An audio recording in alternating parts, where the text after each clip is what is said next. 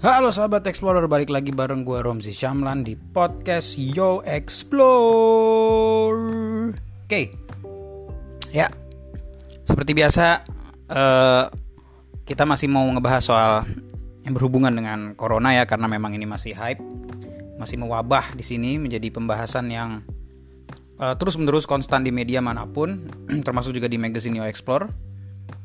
Dan baru-baru ini, tepatnya kemarin ya tanggal 7 April, itu ada pengumuman dari gubernur kita DKI Jakarta maksudnya Anies Baswedan itu bahwa PSBB itu akan berlaku mulai uh, hari Jumat tanggal 10 April. Jadi PSBB itu uh, udah ditetapkan sama Pemprov dan juga udah mendapat izin dari Kementerian uh, kesehatan. Oh ya, belum yang belum tahu PB, eh, PSBB itu singkatannya adalah pembatasan sosial berskala besar. Nah, sekarang kita mau bahas uh, ada apa aja sih nih isi dari PSBB itu yang udah disahkan sama uh, Pak Menteri Terawan dan juga yang diajukan oleh Pak Anies Baswedan. Jadi berikut adalah ulasannya nih. Ini dilansir gue dapat dari mm, kompas.com ya. Oke, yang pertama itu berlaku selama 14 hari. Jadi Anies menyampaikan status PSBB e, eh, diterapin mulai hari Jumat besok e, dan diterapkan selama 14 hari atau sampai 23 April 2020. Nah, e, DKI Jakarta akan melaksanakan PSBB sebagaimana yang digariskan oleh keputusan Menteri efektif mulai Jumat tanggal 10 April 2020.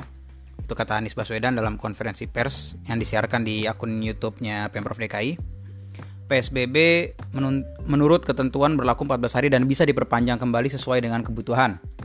Nah, Pemprov DKI akan melakukan sosialisasi secara masif pada hari Rabu dan Kamis maksudnya hari ini dan besok nih.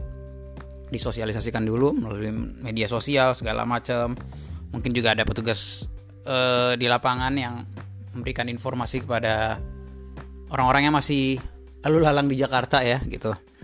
Terus yang kedua ada kegiatan belajar di rumah. Jadi ini yang buat sekolah-sekolah nih jadi di bukan diliburin tetap sekolah tapi di rumah. Kegiatan belajarnya kan e, sama aja yang kayak kemarin udah dilakuin ya gitu. Tapi nggak dilakuin di sekolah. Terus yang ketiga ada tempat hiburan tutup.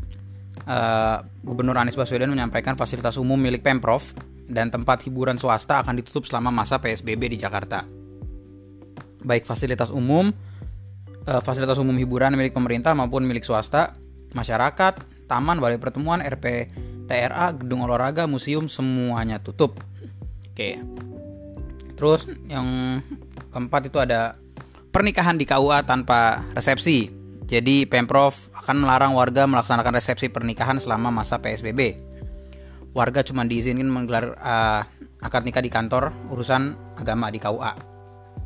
Terus kegiatan ini kata Anies nih, kegiatan sosial budaya sama kami akan batasi. Pernikahan tidak dilarang, tapi dilakukan di kantor urusan agama, kemudian resepsi ditiadakan.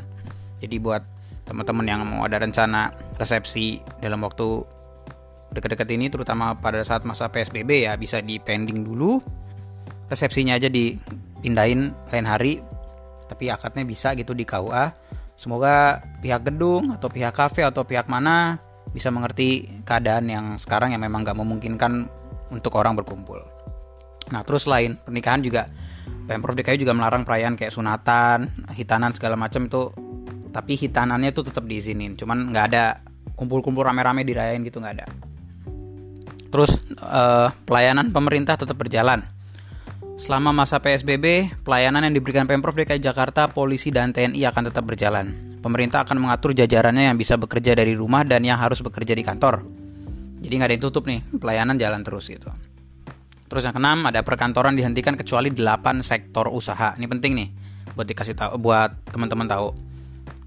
Jadi Pemprov DKI menghentikan kegiatan perkantoran selama masa PSBB. Namun ada 8 sektor usaha yang tetap berjalan seperti biasa. Yang pertama, sektor kesehatan. Rumah sakit, klinik, dan industri kesehatan seperti produsen sabun dan disinfektan tetap bisa beroperasi. Kedua, sektor pangan yaitu yang berkaitan dengan makanan dan minuman itu tetap bisa beroperasi. Ketiga, uh, sektor energi, sektor ini terkait uh, air, gas, listrik dan pompa bensin. Ini juga pasti memang masih dibutuhin oleh masyarakat walaupun mereka tetap di rumah aja. Terus keempat, ada sektor komunikasi. uh, yaitu jasa komunikasi maupun media komunikasi itu masih masih boleh berjalan. Terus yang kelima ada sektor keuangan dan perbankan termasuk pasar modal tetap diizinkan beroperasi. Keenam, sektor logistik yang terkait dengan distribusi barang akan tetap berjalan seperti biasa.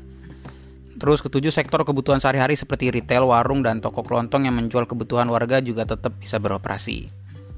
Terakhir, sektor industri strategis yang ada di kawasan ibu kota. Nah, jadi Anies juga ngomong katanya semua kegiatan yang lain akan dianjurkan untuk bekerja dari rumah bagi 8 sektor yang dikecualikan.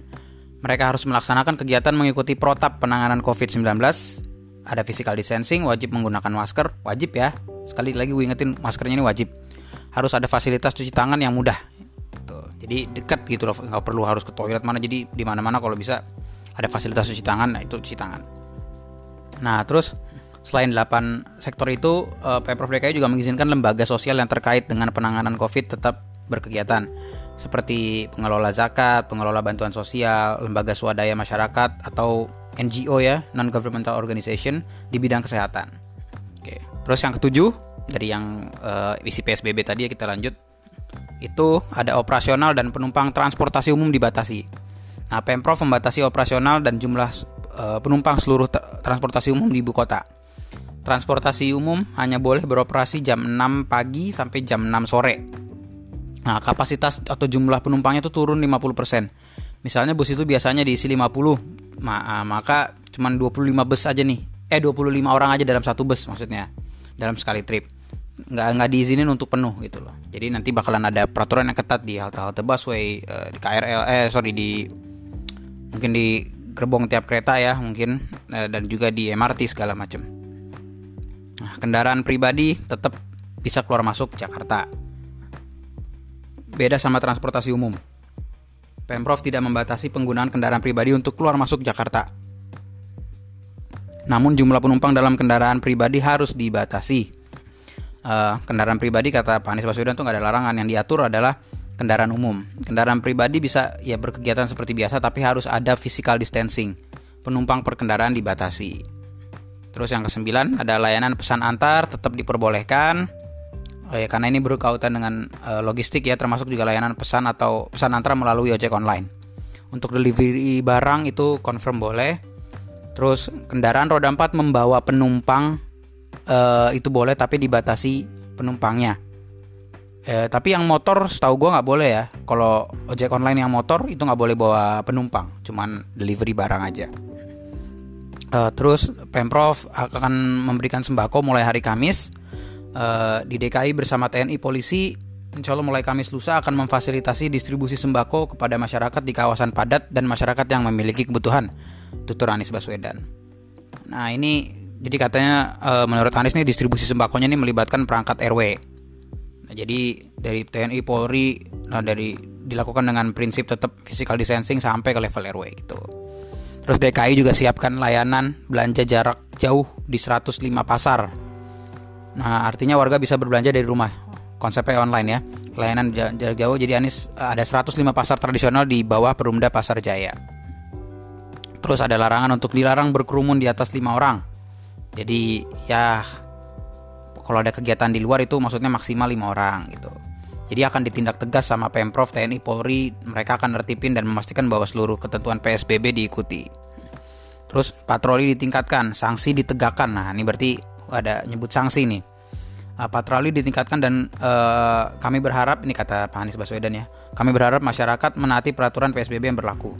Ini bukan kepentingan siapa-siapa tapi kepentingan kita semua. Kalau kita mentaati penyebaran COVID bisa dikendalikan. Uh, menurut Anies aparat penegak hukum tak akan segan menindak warga yang melanggar ketentuan PSBB uh, jadi tapi pokoknya dia melakukan tindakannya itu dengan tegas ya cuman nggak disebut ya sanksinya seperti apa atau tegurannya kayak gimana kita nggak tahu. Terus ada yang terakhir tuh ada aturan rinci PSBB itu akan terbit hari ini katanya nih cuman uh, belum dapat beritanya. Jadi uh, mudah-mudahan uh, Kamis kita udah bisa dapat informasinya lagi mengenai peraturan-peraturan dan isinya yang tadi udah disebut-sebutin di atas gitu loh. Oke, jadi sahabat explorer uh, buat kalian yang memang bisa untuk di rumah udahlah di rumah aja jangan ke mana-mana kalau memang nggak penting. Dan ya itu keluar wajib masker dan ya semoga kita tetap dijauhkan dari penyakit coronavirus ini oke? Okay? stay safe semuanya. Sampai ketemu lagi di podcast berikutnya. Gua Romli Syamlan cabut. Bye bye